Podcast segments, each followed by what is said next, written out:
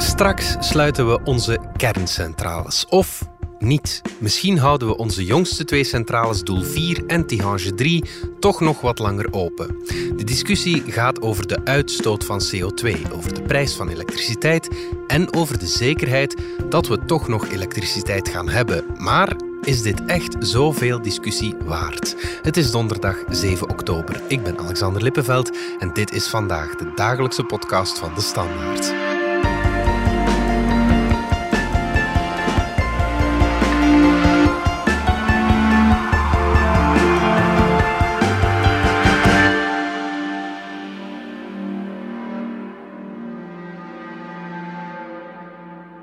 Wim Winkelmans van onze wedstraatredactie. Je hebt je voor onze krant verdiept in de kernuitstap in een reeks van een viertal artikelen. Dat was, kan ik me inbeelden, geen eenvoudige oefeningen. Ik ken weinig debatten die zo gepolariseerd zijn als het debat over de kernuitstap. Absoluut. Voor de ene is het not done om ook maar enige twijfel te laten bestaan over de noodzaak van die kernuitstap. Mm De anderen zijn niet tevreden als je niet uh, onmiddellijk pleit voor het openhouden van drie of meer kerncentrales. Ja. Dus ja, het is wel moeilijk om daar makkelijke uh, oefening. iets te schrijven dat um, breed wordt gedeeld. Dat ja. is eigenlijk onmogelijk. Ja, oké. Okay. Ja. Goed, we gaan het erover hebben. In 2025 is het normaal gezien zover.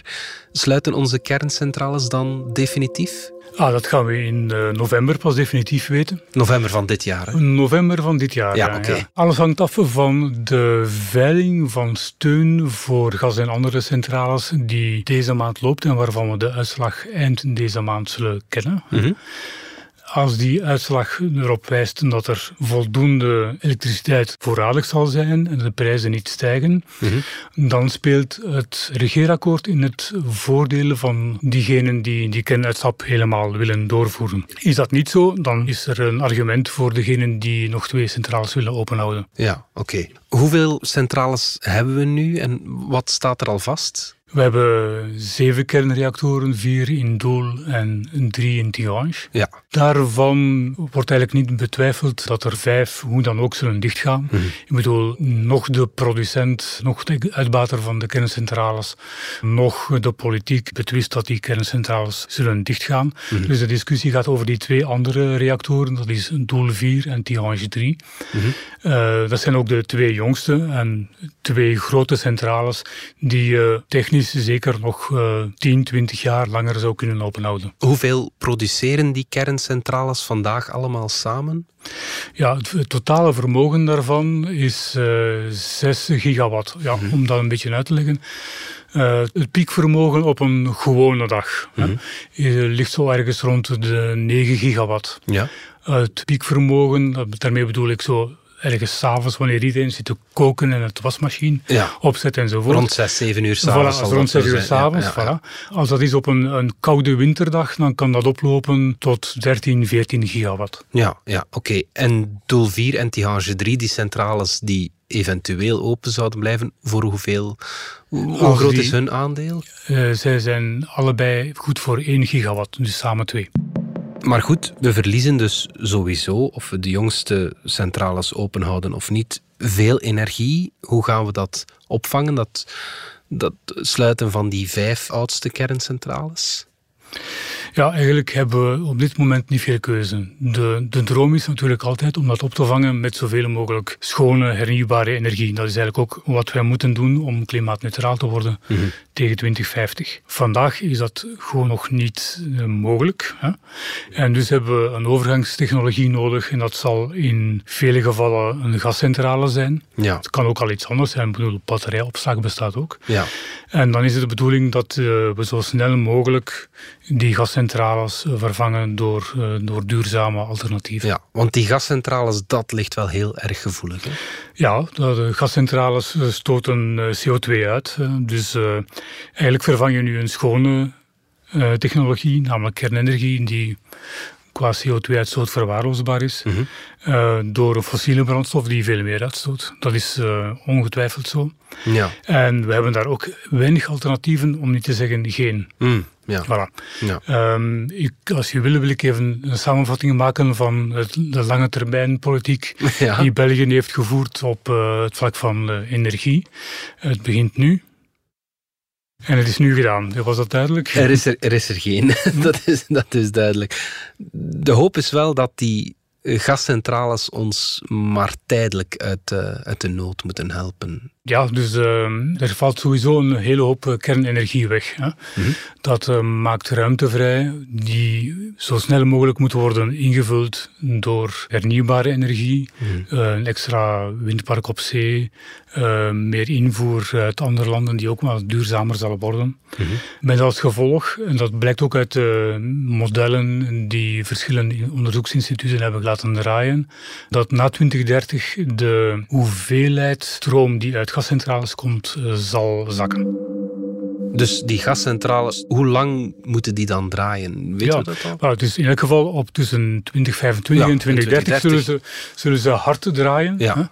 Uh, daarna zullen ze uh, al maar minder draaien, dat is één. En twee, um, zij verbinden er zich ook toe om uh, uh, in plaats van op fossiel gas, aardgas uh, mm -hmm. te draaien, dat zij op termijn zouden overschakelen op uh, een milieuvriendelijk gas, zal ik dat dan maar noemen. Dat kan waterstof zijn, dat kan uh, allerlei soorten biogas zijn enzovoort. Ja, okay. Om hoeveel CO2 gaat het dan dat die gascentrales zo al uitstoten? Um, als ik nu echt een zeer efficiënte gascentrale neem, zoals wij er nu nieuwe willen bouwen, mm -hmm. dan gaat dat, laten we zeggen, 320, 350 gram uh, per kilowattuur. Mm -hmm. Maar dat is nog altijd een veelvoud van windenergie of van uh, een kerncentrale. Ik geloof dat de wind ergens aan 11 gram zit. Mm -hmm. Voor kernenergie schat het IPCC, dat is het Internationaal Klimaatpanel, ergens in een marge tussen 4 en 110 gram CO2. Ja, en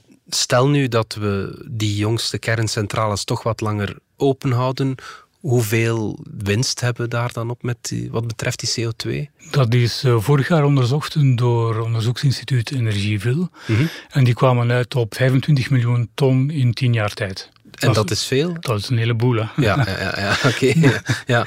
De hoofdblok daarvan zit uh, wel uh, tussen 25 en 30 daarna. Ja. Zou het veel minder moeten ja, zijn. Dat is een groot verschil. Zoals je het al zegt, ik zou dan denken, laat ons dat gewoon doen, die twee centrales nog iets langer open houden. Voor mij is er eigenlijk geen goede oplossing daarvan. Ze zijn beide alle, allebei mogelijk. Mm -hmm. Ze hebben allebei al voor- en nadelen. Iets waar veel controverse over bestaat, maar waar je toch, vind ik, rekening moet mee houden, is het Europese ETS-systeem. Mm -hmm. Dat is eigenlijk een soort plafond dat wordt gelegd op de maximale uitstoot van energieproductie van zware industrie in Europa. En dat plafond daalt jaar na jaar. Dat heeft eigenlijk tot gevolg dat als wij zouden beslissen om twee centrales open te houden, dat iemand anders de kans krijgt om die uh, CO2-rechten uh, te gebruiken om CO2 uit te stoten. Die emissierechten worden daarmee verhandeld. Ja. Zo, zo, ja. zo, kan je het eigenlijk Dus als jij ze niet koopt, dan kan iemand anders ze kopen. Ja, oké. Okay. De winst die wij maken wordt op die manier afgeroomd. Nu, mm. dat systeem is nog niet helemaal sluitend, maar zal het wel worden. Er is natuurlijk niet alleen de uitstoot van CO2 is er op lokaal niveau dan geen impact op de luchtkwaliteit? Ja, vooral van stikstofoxide. Ja. Slecht voor de adem, luchtwegen enzovoort. Dan gaat het terug over de gascentrales, hè, ja, ja, voor de duidelijkheid. Inderdaad, inderdaad. Maar ja, daar zijn heel strenge normen op gelegd. Mm -hmm. um, natuurlijk, stikstof leidt ook tot uh, stikstofdepositie. Mm -hmm. Dat wil zeggen dat die stikstof uit de lucht neerslaat uh, op de grond. Mm -hmm. Als dat op natuurgebied is, dan leidt dat tot verzuring van grond en aantasting van de natuurwaarde van een gebied. Ja. Dat is ook de reden waarom dat een van de kandidaat gascentrales, namelijk die in Dils en Stockholm, mm -hmm. geen vergunning heeft gekregen. Je zou natuurlijk wel kunnen zeggen dat dat allemaal relatief is en minder dan een procent enzovoort. Maar natuurlijk zitten we qua stikstofuitstoot in Vlaanderen al te hoog okay. we eigenlijk omlaag. Voor we het gaan hebben over de kostprijs van onze energie met en zonder kerncentrales, wil ik even uw aandacht vragen voor dit. 25 jaar geleden vindt in België een van de grootste betogingen ooit plaats. Je ziet daar beelden van je eigen land, waar dan zogezegd bijna een revolutie is uitgebroken. Het land is in shock na een reeks gruwelijke kinderverdwijningen. De dader is Marc Dutroux. Ik was wel kwaad op het gerecht, wel omdat het gerecht heeft wel serieuze fouten begaan en zo. Hè. In de podcast De Schaduw van Dutroux gaan we op zoek naar de impact van deze zaak. Luister naar De Schaduw van Dutroux, een podcast van NRC en De Standaard. Vanaf nu te beluisteren in jouw podcast-app. We zitten intussen aan de derde aflevering en die gaat over de rol van de media bij de Witte Mars. De podcast De Schaduw van Dutroux vind je in de app DS Podcast. Goed, Wim, we weten al dat het openhouden van de laatste twee centrales betekent dat we minder gas nodig hebben, dus ook minder CO2-uitstoot realiseren. Geen grote verschillen evenwel, maar je hebt nog niets gezegd over een heel hot item tegenwoordig, de prijs van elektriciteit. Wie ook maar een beetje heeft opgelet, die weet dat gas heel duur wordt. Wat betekent de kernuitstap voor mijn portemonnee? Um, dat is al verschillende keren onderzocht en binnenkort verschijnt er nog een studie en die komen allemaal op hetzelfde neer. Het verschil is zeer klein. Mhm. De studies die ik nu ken, die spreken over 1 euro per megawattuur. Ja. Een modale gezin die verbruikt 3,5 megawattuur per jaar. Ja, Dus doet dat dan maar 4 plus nog eens wat btw bij. Of u komt misschien aan 5, 6 euro, maar niet aan meer per jaar. Ja, oké. Hoe wordt die prijs dan eigenlijk berekend? Eigenlijk werkt de energiemarkt als een zuivere vraag- en aanbodmarkt. Met een bepaalde vraag uh, zal eerst de goedkoopste energiebron aanschakelen. Dat is dan vaak windenergie, want of de wind is gratis, die zal ja. zo goed dan ook willen draaien. Ja, daar heb je geen grondstoffen nee, voor nodig. Ja, voilà. Net daarboven komt dan uh, kernenergie, die zal ook bijna altijd draaien. Mm -hmm. En dan komen energievormen waar je wel kosten hebt om te kunnen draaien. Je moet gas aankopen enzovoort. Ja, ja, ja. En het is de allerlaatste centrale die nodig is om de vraag te dekken, die dan bepaalt hoe hoog de prijs is. En al die andere centrales die minder kosten hebben, die krijgen dezelfde prijs. Ja. Dus, dus kun je wel zeggen dat vandaag met die hoge prijzen, dat die andere centrales zoals kernenergie, zoals wind, heel hoge winsten kunnen maken, tenzij dat ze ergens aan lange termijn contracten verbonden zijn. Je hebt ons nu uitgelegd dat er ja, winst is door die twee centrales open te houden. Een kleine winst, weliswaar, door minder CO2-uitstoot, door een lagere energiefactuur. Ik zeg het, een kleine winst, maar het is wel een winst waarom discussiëren we dan nog? Ja, je kunt uh, uh, zeker uh, het standpunt innemen dat elke winst meegenomen is. Ja. Eigenlijk is dit nu een keuze tussen twee modellen. Mm -hmm. De ene met twee centrales open en twee en zonder die twee centrales open. Mm -hmm. Dus de, de, in het eerste model met twee centrales open kies je er dan voor om een bestaande technologie een oude technologie eigenlijk nog even te laten doorwerken in de hoop dat je dan achteraf onmiddellijk kunt overstappen op uh, een energievorm van de toekomst. Ja. Voilà. Dat is, dat is model 1. En model ja. 2 met uh, volledige kernuitstap is dan om helemaal van nu al te, te kiezen voor de, de lange termijn. Je neemt dan de hogere uitstoot vandaag wat mee in de koop, mm -hmm. maar je schept zo ruimte om daarna snel te minderen. Ja. De vraag is ook of je tijd wint of verliest als je die twee centrales openhoudt. Mm -hmm. Als de conclusie in 2035 moet zijn van goed, we hebben nu tien jaar langer uh, centrales opengehouden, maar nu moeten we toch nog gascentrales bouwen. Ja, dan komen die gascentrales in een, op een moment dat ze nog 15 jaar kunnen draaien alvorens ze moeten sluiten, want in 2050 moeten we klimaatneutraal zijn. Ja. Dat zou dan betekenen dat we die nog veel meer moeten subsidiëren dan vandaag. Goed. Ja, een andere belangrijke voorwaarde is natuurlijk dat die uitbaters van uh, de centrales mee willen. Hè? Ja, op dit moment heeft uh, NG Electrabel, dat is de grootste exploitant van de kerncentrales, mm -hmm. de knop helemaal omgedraaid. Zij gaan ervan uit dat het onmogelijk is om nog op tijd in 2025 dan alle werken klaar te hebben om die twee centrales open te houden. Mm. Stel dat we ze dan toch opnieuw zouden moeten open doen, dan moeten die werken nog gebeuren. Ja. Dus dat zou dan uh, een moment, hoe dan ook zijn, waarin er geen kerncentrales draaien. Ja. En dat moeten we dan ook weten te overbrengen. dat is één. Dat is één. Ja. Twee, stel nu dat we tot de vaststelling komen, we hebben ze absoluut nodig, we geraken er niet. -hmm. Ja, dan moet je NG Electra wel de arm proberen om te wringen. Mm -hmm. Maar wel op het moment dat zij zelf niet, geen vragende partij zijn en goed kunnen zien dat de overheid zeer zwak staat in onderhandelingen. Mm -hmm. Je kunt een privébedrijf niet dwingen om een, een, centrale open te houden en daarin te investeren. Met andere woorden, ze gaan de prijs heel fel opdrijven.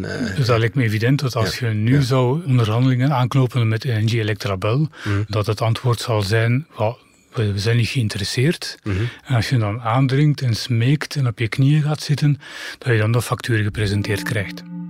Toch nog even naar die CO2-uitstoot, Wim. We hadden het erover dat gascentrales maar merkelijk meer uitstoten dan kerncentrales. Maar als we naar het totale plaatje kijken van wat we uitstoten aan CO2, hoe groot is dan het aandeel van onze energieproductie? Als je in Bel- op Belgisch niveau kijkt en je kijkt naar alle vormen van energie, dan gaat het ongeveer om 10%, 10, 11%. Ja, dus het is eigenlijk veel verstandiger om naar al de rest te kijken in plaats van naar die twee kerncentrales die we misschien ja, gaan openhouden. Dat is eh, zeker zo. Het gaat eigenlijk hier om de discussie over 2 gigawatt. Mhm. Als je kijkt naar de studies, dan houden die eigenlijk maar rekening met 1 gigawatt. Mhm. Omdat ze er rekening mee houden dat een van de twee centrales die je zou openhouden eh, op een slecht moment niet beschikbaar is. Mhm. Maar om helemaal klimaatneutraal te worden, hebben we... Ja, vandaag hebben we een verbruik van alle vormen van energie samen van 400 ja, nu moet, moet, ik, moet ik weer moeilijk doen. Terawattuur, dat is 1000 gigawattuur en, enzovoort. Dus dat is gigantisch veel. Ja, In elk geval is 1 gigawattuur maar een fractie daarvan. ja, een heel kleine fractie zelfs. De discussie gaat ook veel breder dan alleen dat eindeloos herhalen van een discussie over de kernuitstap. Mhm. Het gaat erom dat we in 2050 klimaatneutraal moeten worden. Mhm. En wij hebben ook bevoegdheden in eigen handen waar we daar echt eh, werk van kunnen maken. Mhm. En dan gaat het in de eerste plaats over het isoleren van een- onze huizen. En twee, het eh, klimaatneutraal maken van ons verkeer. Daar zijn nog enorme uitdagingen. Ja. Ongeveer 95% van onze huizen is op dit moment niet klaar om klimaatneutraal te worden. Daar moet zeer, zeer zwaar in geïnvesteerd worden. Dus mensen die zich zorgen maken over de CO2-uitstoot van gascentrales, Mhm. die zouden nog veel meer bezorgd moeten zijn. Nog veel meer be- bezorgd over de uitstoot van eh, het verkeer Ja, van woningen. Eh, Chris Peters, de, de, CEO van eh, Elia, Mhm. heeft een mooie vergelijking gemaakt. Die heeft eh, de hele discussie over de kernuitstap vergeleken met de splitsing van Brussel en Vilvoorde. Ja. Vooraf enorm veel over te doen. Toen er werd over gestemd, was het een kortje waard in de, in, de, in de krant. En achteraf heeft niemand er ooit nog iets over vernomen. Nu ligt dat al ver Ja. in ons geheugen intussen. Ja. Eh, misschien toch nog eens vragen. Slimme mensen als Bill Gates, die hebben al een pleidooi gehouden voor een nieuwe generatie kerncentrales. Ja. Kijken we daar al naar? Eh, ja, maar het is geen oplossing vandaag. Mhm. Er zijn eh, verschillende technologieën waar wordt aan gewerkt, en ernstig gewerkt. Maar we zitten nog in de fase van de pilootprojecten en, en experimentele reactoren enzovoort. Ja. Dus eigenlijk moet je rekenen dat we in 2040 zijn voordat we thoriumcentrales, eh, modulaire reactoren enzovoort, voordat we die commercieel eh, kunnen aankopen. Ja. En dan is nog de vraag wat de prijs daarvan zal zijn, want vandaag weten we dat niet. Nee, ja. En als we een eh, kernreactor van de huidige generatie, zoals er momenteel worden gebouwd in Frankrijk, Groot-Brittannië of Finland, als we die nemen, ja, dan moeten we eigenlijk rekenen op een kostprijs van 10, 15 miljard en een bouwtijd van 10, 15 jaar. ja. Dus dat is niet, eh, Dat is geen, niet voor geen oplossing. Nee, nee, geen nee, oplossing zeker niet. Ja. Dus Wim, al wie destijds eh, betoogd heeft tegen de kerncentrales en het kernafval, die zal binnenkort toch tijdelijk tevreden zijn. Ehm, eigenlijk moet je bijna hopen van wel. Want als het niet zo is, dan gaan we dat nog zeer duur betalen. Ja, Oké, goed. Wim Winkelmans, dankjewel. alsjeblieft. Dit was vandaag de dagelijkse podcast van De Standaard. Bedankt voor het luisteren. Ken je trouwens DS Podcast al, de podcast-app van De Standaard? Daar luister je niet alleen naar onze journalistieke reeksen, je krijgt ook elke week een eigenhandige selectie van de beste nieuwe podcasts op de markt. Alle credits van de podcast die je net hoorde vind je op standaard.be-podcast. Reageren kan via podcast.standaard.be. Morgen zijn we er opnieuw.